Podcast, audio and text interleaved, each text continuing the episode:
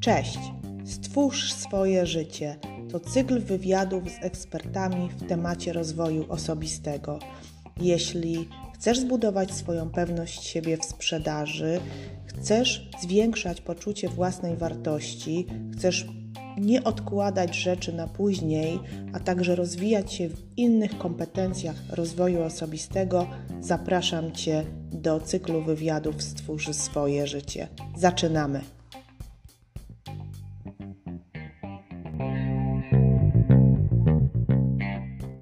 Dzień dobry, witajcie kochani w najnowszym podcaście Sprzedaż B2B w praktyce. Bardzo się cieszę, że widzimy się i słyszymy e, już w nowym roku 2021. Mam nadzieję, że plany na nowy rok już macie, a jednym z planów, e, jakie ja na przykład sobie postawiłam, to jest praca nad sobą i e, rozwój osobisty każdego dnia, ponieważ myślę, że rozwoju osobistego nigdy nie za dużo i ciągle codziennie możemy się uczyć czegoś nowego. Dzisiejszy odcinek y, jest y, dedykowany z cyklu Zbuduj swoje życie, czyli cykl wywiadów z Anią Sobczak, którą już pewnie pamiętacie z poprzedniego odcinku na temat budowania pewności siebie. Jeśli nie, to zapraszam serdecznie do, y, do powrotu do tego odcinku. Tam rozmawiałyśmy o o pewności siebie, o swoi, swoim, swojej jakby tutaj pozycji mocnej i rozwoju cały czas tej pozycji. I dzisiaj kontynuujemy temat oczywiście rozwoju osobistego, ale będziemy mówiły o asertywności. I właśnie Ania Sobczak, coach, trener, y, psycholog jest naszym dzisiejszym gościem. Witam Cię serdecznie, Aniu. Dla wszystkich, którzy Cię nie znają, przedstaw się, ale zanim ja tylko dodam, że dzisiaj będziemy mówić o asertywności. Y, I za chwilkę oczywiście przejdę do pytań. Tak dwa słowa jeszcze Aniu o sobie, y, jakbyś mogła. Y, witam Was wszystkich. Y, tak krótko o mnie, to jestem psychologiem biznesu i coachem biznesowym. Y, jeszcze trenerem nie jestem i tą rolę oddaję osobom, które mają wieloletnie doświadczenie. Tą ścieżkę zawodową prowadzę od kilku lat, ponieważ 20 lat wcześniej pracowałam w biznesie na stanowiskach sprzedażowych i rozwoju biznesowego, więc jestem więc jestem osobą, która zna biznes ze strony praktycznej, a teraz pracuję z biznesem od strony psychologii i narzędzi coachingowych. Y, temat asertywności jest o tyle ciekawy, że jest on bardzo mocno rozważany w sferze osobistej. Natomiast prawdę mówiąc, Ewa mnie trochę zaskoczyła, prosząc mnie, żebym przygotowała coś na temat asertywności w biznesie, ponieważ y, asertywność w biznesie jest bardzo ważna, ale również jest pewnego rodzaju troszeczkę y, kontrowersyjna w momencie, gdy ma dotyczyć osób, które są na różnym poziomie hierarchii ale mhm. o tym powiemy później, a teraz może zacznijmy od początku, żebyśmy miały pewien układ logiczny. Mhm. Zacznijmy od tego, czym jest asertywność, y, bo asertywność to nie jest takie proste mówienie nie, to nie jest taka prosta odmowa. Asertywność to jest umiejętność otwartego wyrażenia naszych y, myśli, uczuć, przekonań, ale bez lekceważenia uczuć i poglądów drugiej strony. To, co jest istotne, to możemy powiedzieć nie, możemy odmówić, ale musimy mieć na względzie to, jak zostanie to odebrane przez drugą stronę i jaka jest nasza intencja w tej naszej odmowie. Ale tu nie chodzi tylko o odmowę, ponieważ w postawie asertywnej również zgadzamy się na pewne mm, zachowania, czy z naszym rozmówcą, z jego opiniami czy poglądami, ale zgadzamy się zgodnie z naszymi przekonaniami, wartościami.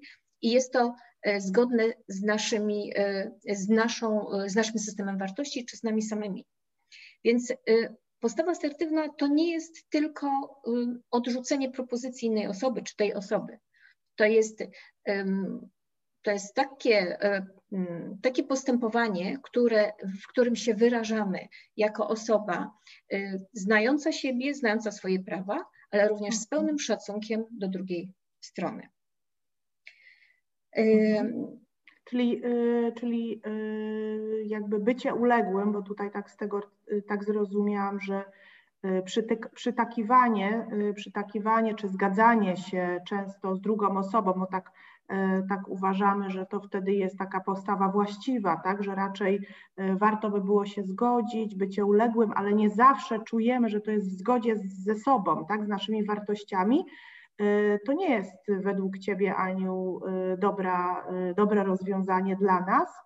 E, ale też nie chodzi o to, żeby być agresywnym, czyli żeby jakby robić coś źle dla drugiej osoby, tylko bardziej, żeby dbać o, no, o swój komfort i jakby o swoje wartości, tak? Bo właśnie często słyszę, że asertywność właśnie kojarzy się z takim agresywnym podejściem, tak? Że mówienie nie, o którym teraz mówisz, jest, że jest takie no nie, nie, nie jest powszechnie uważane. No w szczególności też y, kobiety uważa się za osoby, które raczej są, powinny być takie miłe, spokojne, zawsze, y, zawsze, zawsze w zgodzie z drugim człowiekiem. Więc ta asertywność to nie jest agresywność, prawda?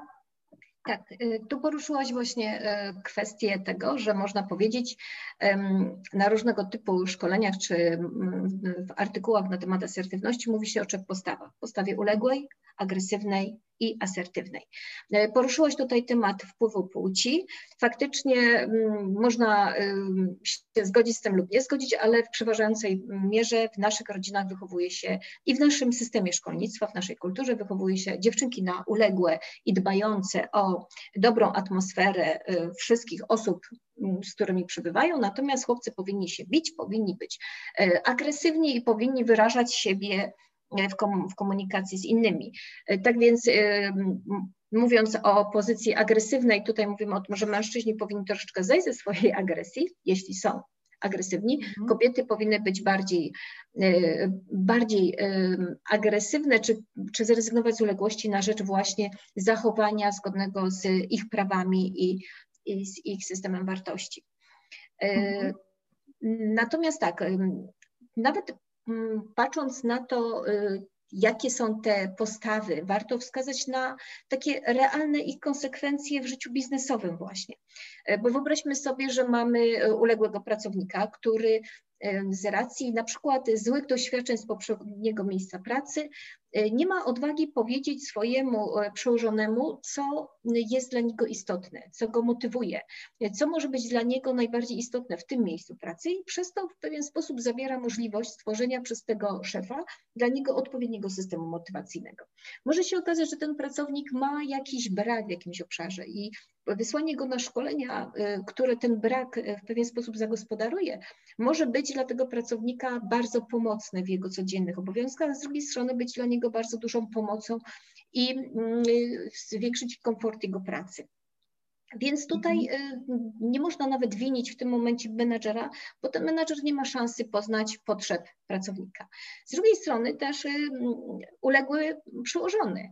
Jeśli przełożony nie umie walczyć o swój dział, na przykład dział sprzedażowy, nie umie podjąć dyskusji, walcząc o pewne mm, y, korzyści dla swoich pracowników, też może doprowadzić do tego, że pracownicy zaczną od niego odchodzić ta postawa uległa y, w różnych kontekstach może przynieść spore y, koszty dla organizacji. Podobnie sytuacja jest, gdy pracownik jest zbyt agresywny, może odrzucać y, prośbę o pomoc od innych współpracowników, tylko z założenia, że jest to dla niego strata czasu, w momencie, gdy możliwe, że jego pomoc mogłaby przynieść korzyść całemu zespołowi. Podobna sytuacja z przełożonym. Przełożony, y, agresywny przełożony, który może być skoncentrowany na zadaniach, a nie na pracownikach, może doprowadzić do tego, że zmniejszy motywację, zaangażowanie swojego mhm. zespołu do pracy i przez to obniżyć wynik y, zespołu.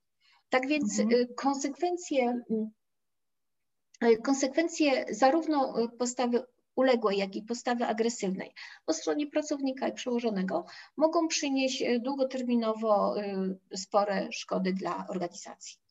Mhm. Czyli jakbym miała podsumować e, w skrócie oczywiście to, co powiedziałaś, to jeśli jesteśmy pracownikami i, i wykonujemy jakieś zadania, to w relacji z przełożonym my powinniśmy otwarcie mówić, czego potrzebujemy bo to też jest czasami taka, taki problem, który ja gdzieś doświadczam w swoim zespole, że moi pracownicy myślą, że ja się domyślę. No w końcu jestem szefem, natomiast no też y, jakby mam swoje zadania i, i masę jest tych zadań i nie, też nie jestem w stanie y, jakby być w głowach, każdy ma swoje, y, swoje jakieś oczekiwania co do rozwoju w danej firmie, co do tego, co będzie robił, więc ja myślę, że też taką wskazówką jest tutaj, którą mogłybyśmy przekazać, to to, żebyś, żebyście otwarcie komunikowali do swoich przełożonych, czego oczekujecie, czego Wam brakuje, tak? Swoje myśli, swoje emocje, to co Ania powiedziała, właśnie jakieś szkolenie, potrzebuje się rozwijać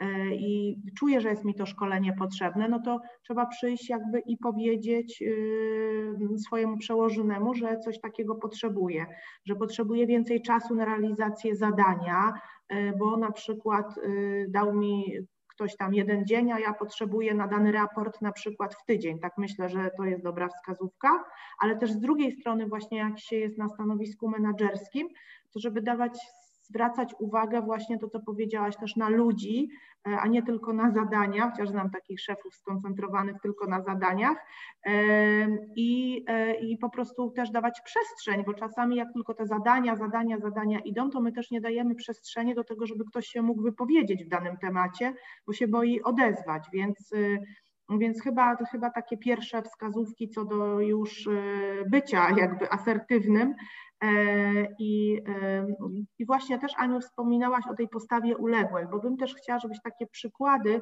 ze swojego doświadczenia ze świata biznesu, bo tak jak mówiłyśmy, się koncentrujemy na świecie biznesu, podała e, osób, które właśnie, czy też Twoich być może klientów, którzy właśnie byli, były uległe. Tutaj mamy trzy takie, wcześniej też rozmawiałyśmy, tak, że postawa i uległa i postawa agresywna, E, i jeszcze, no chyba te dwie, tak, tak naprawdę. Tak, uległa, agresywna i, i asertywna. E, mhm.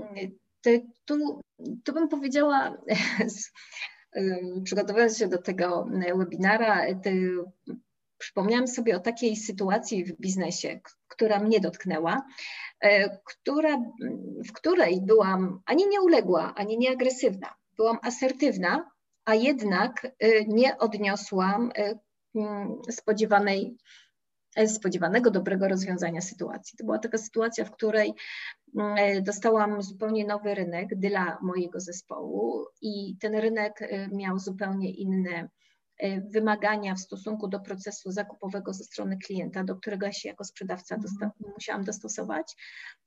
I po zapoznaniu się z tym y, procesem sprzedaży przedstawiałam go mojemu przełożonemu, opierając się o fakty, opierając się o przepisy prawa, y, bo tam jest y, proces sprzedaży związany z prawem zamówień publicznych. Mhm.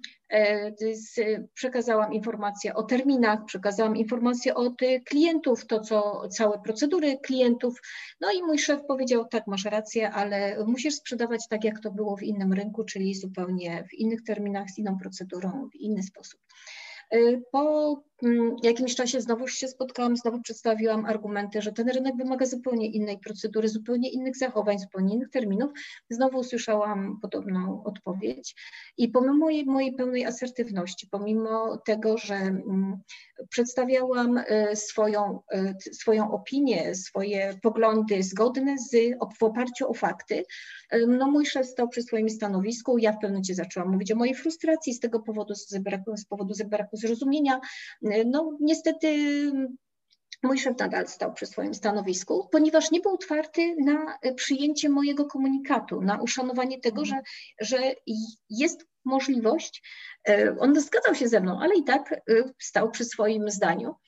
E, ponieważ uważał, że tylko y, wykonując jego polecenie jestem w stanie osiągnąć wynik. Możliwe, że robił to y, dla mojego dobra, natomiast nie wykazał się otwartością w komunikacji mhm. i nie wytłumaczył mi, dlaczego na przykład stoi przy takim zdaniu. Doprowadziło to do tego, że pomimo, że mm, wykorzystując inną procedurę, zamknęłam kilka procesów sprzedażowych i y, nawet mi się szef zmienił, ja odeszłam z tej firmy. Wtedy ta firma była najlepszym pracodawcą w Polsce, to jest międzynarodowa korporacja, dla tej firmy się przyniosłam do Warszawy.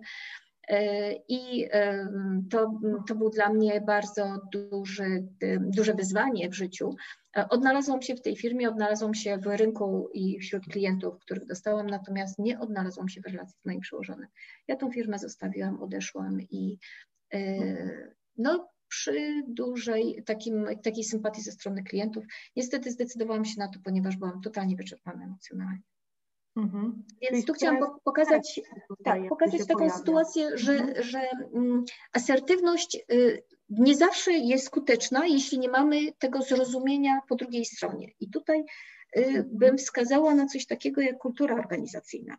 Y, według mnie, żeby mm, móc być w każdej relacji, w organizacji asertywny, tworzyć tą otwartą, szczerą komunikację, w której każdy wyraża siebie i szanuje drugą osobę, należy mieć y, dobrze zbudowaną kulturę organizacyjną, kulturę, w której system norm i wartości oparty jest o szacunek, o otwartość, o komunikację, o możliwość wyrażania swoich poglądów i opinii, o możliwość wyrażania siebie, o autentyczność.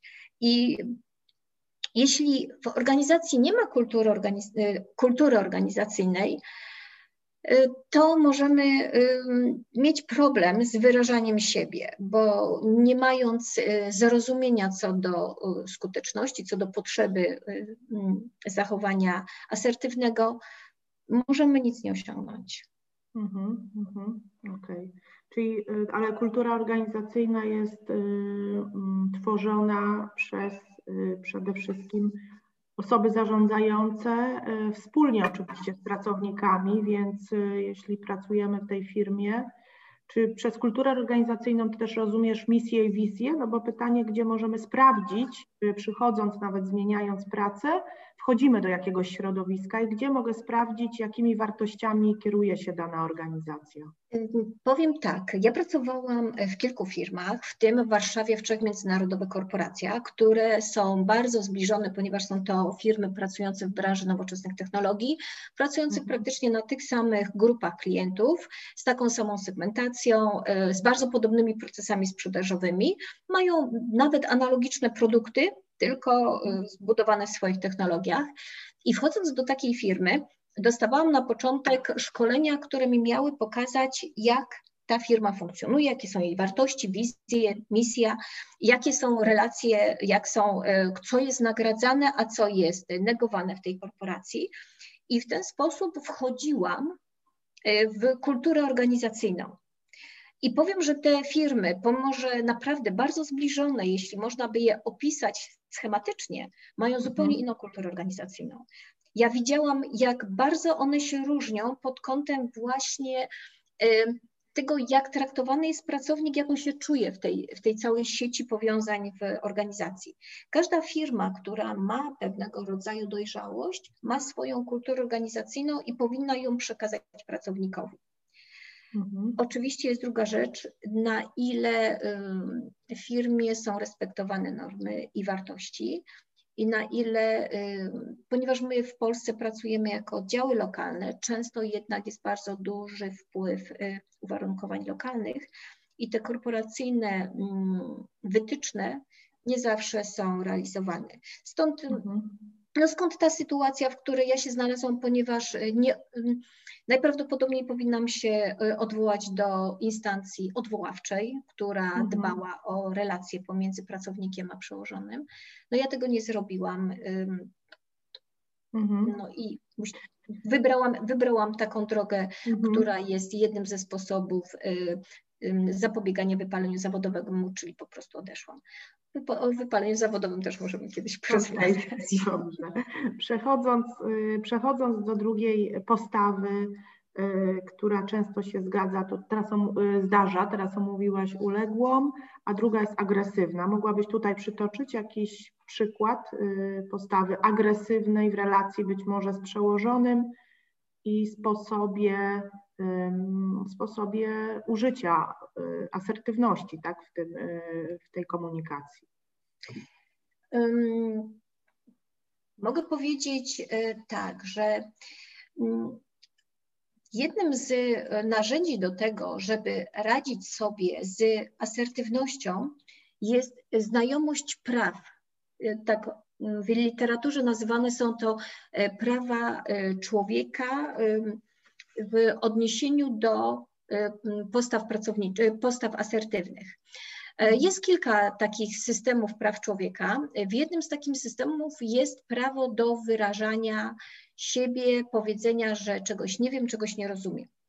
I to jest taka sytuacja, w której, e, o której chciałabym powiedzieć, bo jest ważna dla mnie.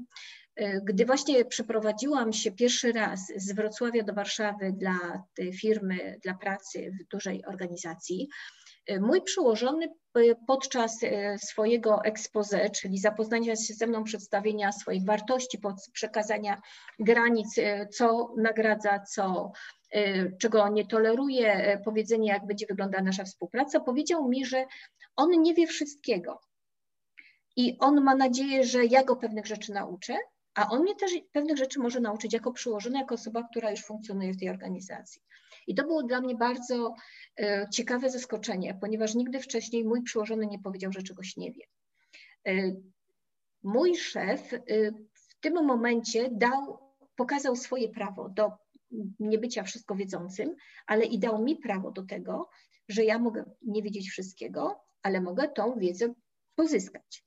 I od, w tym momencie y, uzyskałam taką mm, umiejętność zachowania u klientów, gdzie w momencie, gdy klient zadawał mi pytanie, a ja nie znałam odpowiedzi na to pytanie, z pełną świadomością, otwartością, uczciwością mówiłam klientowi, że nie znam odpowiedzi, ale że ją poznam tak szybko jak to możliwe wrócę do niego z odpowiedzią. Mhm. Klient wtedy czuł się traktowany z szacunkiem, z, e, poważnie, ponieważ no tak wiadomo, że jesteśmy tylko ludźmi i możemy w pewnych obszarach nie mieć wiedzy, zwłaszcza gdy się sprzedaje zaawansowane technologie informatyczne. Więc y, to jest taka postawa, która mm, to powiedzenie nie wiem jest prawem, który również nam przysługuje w przypadku agresywnego zachowania czy ze strony przełożonego, czy klienta. My mamy prawo mhm. powiedzieć nie wiem i w przypadku y, agresywnego, y, jakiejś reakcji agresywnej, możemy uargumentować to i w pewien sposób jakby nie doprowadzić do sytuacji konfliktowej. Mhm. Mhm.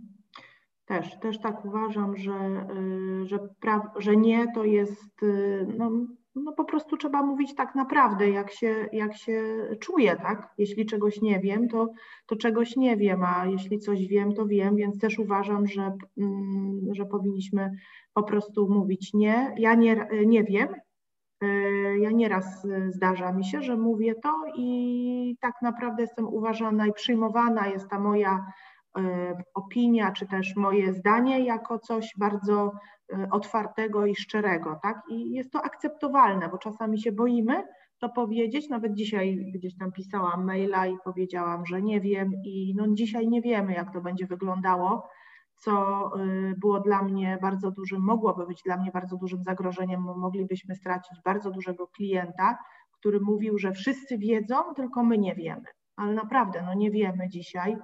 I, dostałam odpowiedź, że, y, że akceptuje, przyjmuje i rozumie to i nas dzisiaj pozycjonuje na najwyższej pozycji. Więc, y, więc jakby Mm, jakby to myślę, że tutaj ja taki przykład przytoczę.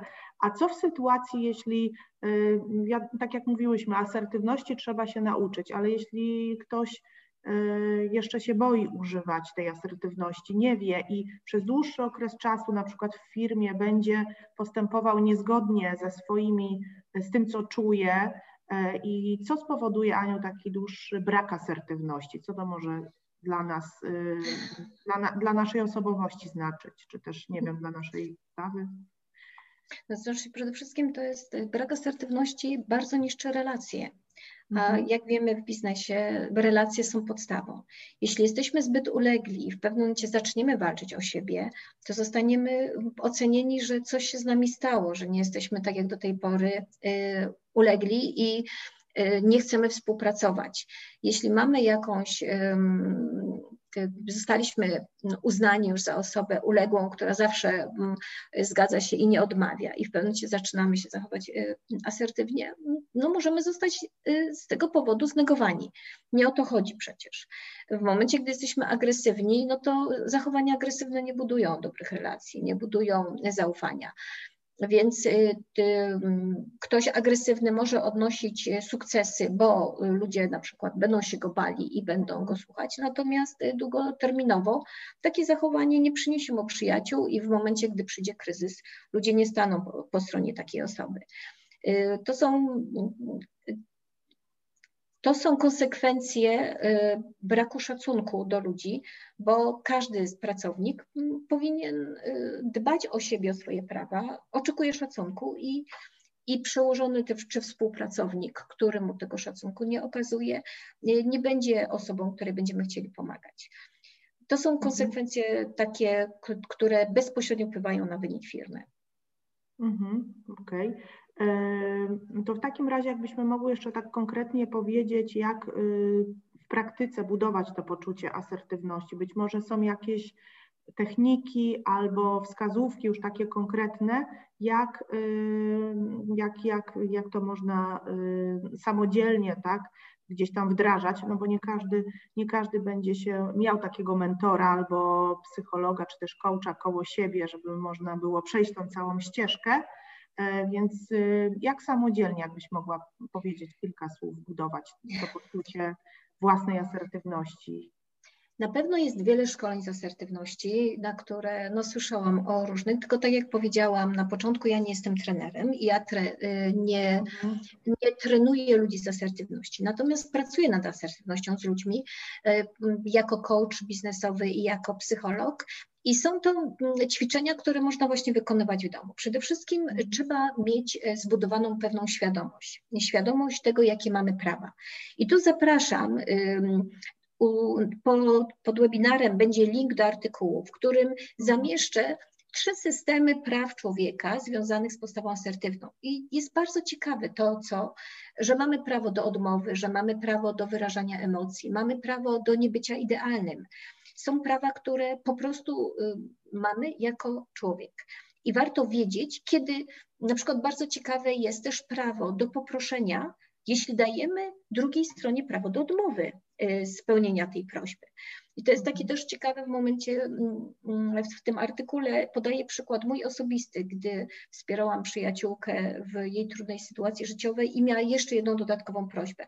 Miała bardzo duży dyskomfort z poproszenia mnie o to, ale y, ponieważ na początku powiedziała, wiem, że możesz nie móc spełnić mojej prośby, ale cię poproszę.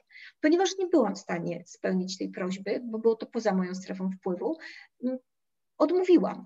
Natomiast to mhm. zupełnie nie wpłynęło na nasze relacje, ponieważ ona dała mi na początku możliwość odmowy. W biznesie, jeśli ktoś na przykład korzysta z czyjejś pomocy i pojawia mu się bardzo krytyczna potrzeba poproszenia jeszcze o coś tej, tą osobę, już czuje e, wdzięczność, czuje jakąś, jakieś poczucie, e, że, że już nadużył e, pomocy tej osoby, ale jeszcze potrzebuje, może się zwrócić do niej z takim uszanowaniem, że możesz mi odmówić, ale pozwól, że poproszę Cię o to. Jeśli ta osoba odmówi, czy zgodzi się na to, to nie ma negatywnego wpływu na relacje. To buduje wręcz y, zaufanie i, i, i wspólnotowość w zespole. Więc bardzo ważne jest, żebyśmy znali swoje prawa. Y, te prawa też dobrze jest właśnie komunikować w tej, y, jeśli są robione spotkania na temat kultury organizacyjnej, gdzie w, y, w której w, w takiej komunikacji można pokazać pracownikom, co im wolno. To, o czym mówiłaś, Ewa, że człowiek, y, że pracownik może przyjść do szefa i mu po prostu powiedzieć, jakie są jego potrzeby, jakie są jego emocje, y, co w danej chwili jest dla niego ważne, bo też się nasze potrzeby zmieniają w czasie. Mhm. Y, z drugiej strony,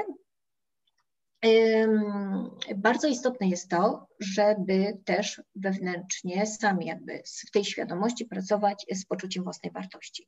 Poczucie własnej wartości można, nad, można wzmacniać, bo potrzebne jest nam takie zdrowe poczucie własnej wartości. Y, można wzmacniać przez to, że zdobywamy wiedzę o samych sobie, o naszych mocnych i słabych stronach, o naszych potrzebach, o naszych emocjach, o naszych reakcjach na pewne sytuacje o tym, na, na to, też wiedzę na temat naszych sukcesów. Poczucie własnej wartości jest bardzo mocno związane z tym, że my dajemy sobie prawo do tego, żeby czuć szczęście i czuć zadowolenie z nas osiągania sukcesu. Jeśli mamy taką zdrową opinię na swój temat, lubimy siebie, lubimy wtedy wyrażać siebie. Jesteśmy w tym wyrażaniu spójni, wyrażaniu spójni, zarówno werbalnie, jak mimicznie, jak i, jak i mową ciała. Jesteśmy bardzo spójni w naszym komunikacie i e, wtedy nasz rozmówca czuje się komfortowo. Czyli dru- pierwsza rzecz to jest znajomość naszych praw, drugie to zdrowe poczucie własnej e, wartości, ponieważ ono buduje tą autentyczną, szczerą i otwartą komunikację, która jest tak ważna w asertywności. A trzecie, to można powiedzieć o różnego typu narzędziach. Jest kilka takich, które mi od razu przychodzą na myśl. Na przykład można, e, to jest taka metoda, e, technika stopniowania myśli autorstwa Wolf. Y, ja mhm. nie znam szczegółów, natomiast ona opiera się y, o zastępowanie negatywnych myśli myślami pozytywnymi. Takie wyłapywanie naszej y, wewnętrznej rozmowy i w momencie, gdy pojawiają nam się podczas tej, tej w tych komunikatach naszych w głowie coś negatywnego, zastępujemy to pozytywnym. To buduje nasze takie, taką pewność siebie. Druga mhm. rzecz to jest na przykład technika związana z taką własną pracą, na przykład robienia notatek co wieczór z naszych sytuacji, w których mogliśmy się zachować asertywnie, zachowaliśmy się asertywnie albo nie zachowaliśmy się asertywnie i ocena pod różnymi, w różnych obszarach tej sytuacji. Co czuliśmy w trakcie tej sytuacji, co czuliśmy później, jak to wpłynęło na nasz nastrój, jak, jakich w tej naszej sytuacji, jakich praw broniliśmy, albo nie obroniliśmy. Jak to wpływa na nasze poczucie zadowolenia, na naszą pewność właśnie siebie? Y, jaką, y, jaka była nasza reakcja, na przykład mowa ciała? Czy zareagowaliśmy na przykład rumieńcami? Jak zareagował też nasz rozmówca? Czy nie uraziliśmy? Jaki, czy, jakie były emocje tego rozmówcy? Czy zachowaliśmy się asertywnie i jaki był tego efekt. Taka analiza pod różnym kątem tej sytuacji mhm. może nam dać wnioski, które będziemy mogli wykorzystać, gdy znajdziemy się w podobnej, analogicznej przyszłości. Mhm. Inna rzecz to jest też taka umiejętność mm, komunikacji, y, która y, dba o dobro drugiej strony, o emocje drugiej strony. To jest tak, na przykład y, ta cała szkoła mm, komunikacji bez przemocy, jest y, bardzo ciekawa, na przykład y, technika, którą się uczy Foucault. To jest taki skrót od fakt, uczucia, konsekwencje i oczekiwania.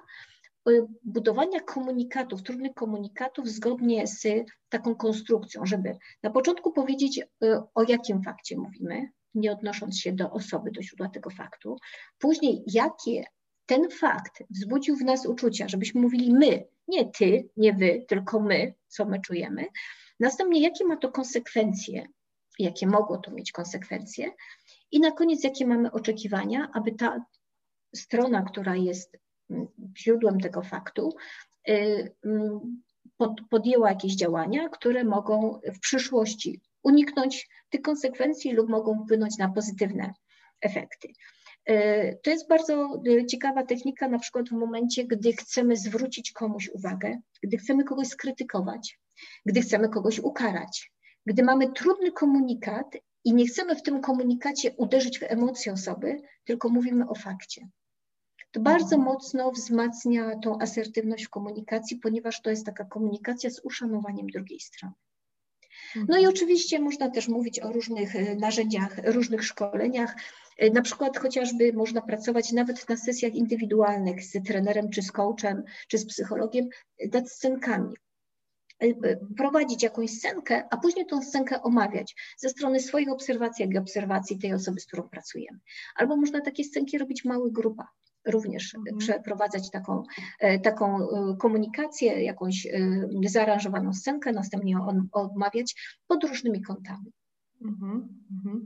No dużo, dużo jest tych przykładów, które tutaj podałaś, ja też sobie notuję bo tak jak mówiłam, zawsze, zawsze, zawsze jakby się niby wszystko wie, ale jak przychodzi co do czego, to często emocje biorą górę i, i, i w różny sposób się rozmawia. Ja myślę, że już dzisiaj, jeśli chodzi bardzo, bardzo naprawdę, Aniu, ciekawie mówisz, y, myślę, że tutaj dużo osób y, zrobiło notatki i, i najcenniejsze e, takie jakby wskazówki będą wdrażane. Ja sobie na pewno Fuko zanotowałam, już znałam, ale jeszcze raz i e, nie znałam tej metody takiej auto mm, jakby auto, auto jakby my, chodzi mi o te myśli. Autorozmowy. Tak? tak. Autorozmowy właśnie, dziękuję. Mhm ze samym sobą i gdzieś tam jakby kontrolowanie tych myśli swoich właśnie, gdzie kiedyś nieraz coś możemy myśleć, e, że jest coś już straszne, duże, nie wiem, jest źle, a okazuje się, że tak naprawdę to wszystko jest w naszej głowie i, i możemy to e, jakby z, innego, z innej strony by powiedziała, ja to tak widzę, troszeczkę ja sobie siadam i ze strony takiego krytycznego obserwatora, czyli jak ja bym była nie ja, tylko ktoś inny i obserwuję to, co i mówię to, co chciałabym zrobić i po prostu analizuję to jako taki zewnętrzny konsultant, tak, a nie jak osoba, która jest po prostu uwikłana w jakąś sytuację i nie wiem, jak za, e, na nią zareagować. Podsumowując e, ten podcast, e, ten odcinek, bo już długo rozmawiamy, jak byś mogła powiedzieć, po co nam asertywność w biznesie? Tak w dwóch słowach.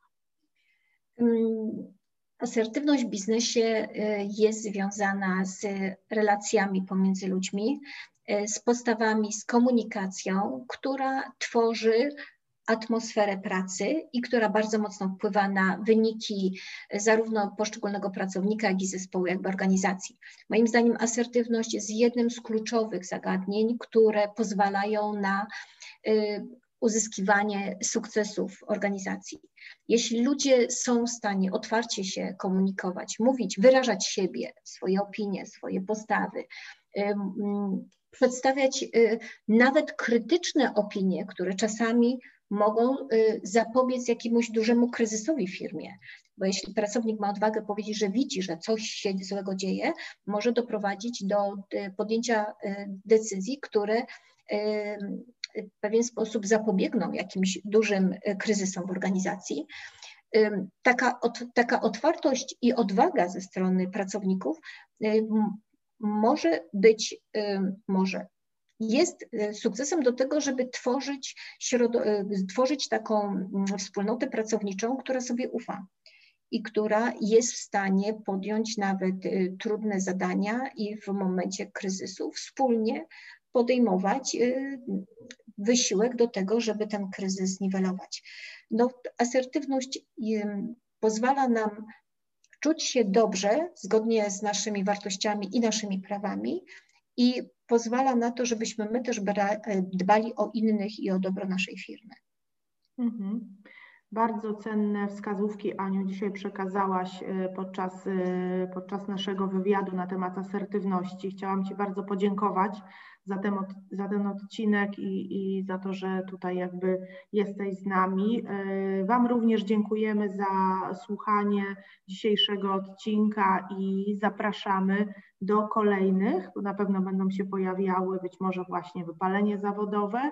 E, link do, do LinkedIna Ani oraz do artykułu będzie pod dzisiejszym, e, pod dzisiejszym odcinkiem, więc jest możliwość się skontaktowania za nią, porozmawiania, przedyskutowania być może swoich e, bezpośrednio jakichś postaw, które chcecie, gdzie chcecie zareagować, a nie wiecie jak. Ja myślę, że Ania tutaj z chęcią udzieli wszelkich wskazówek. Dziękuję jeszcze raz Aniu za dzisiejszy odcinek i życzymy miłego dnia, wieczoru i, i samych sukcesów i zapraszamy do kolejnego odcinku Sprzedaż B2B w praktyce. Dziękuję bardzo. Do usłyszenia.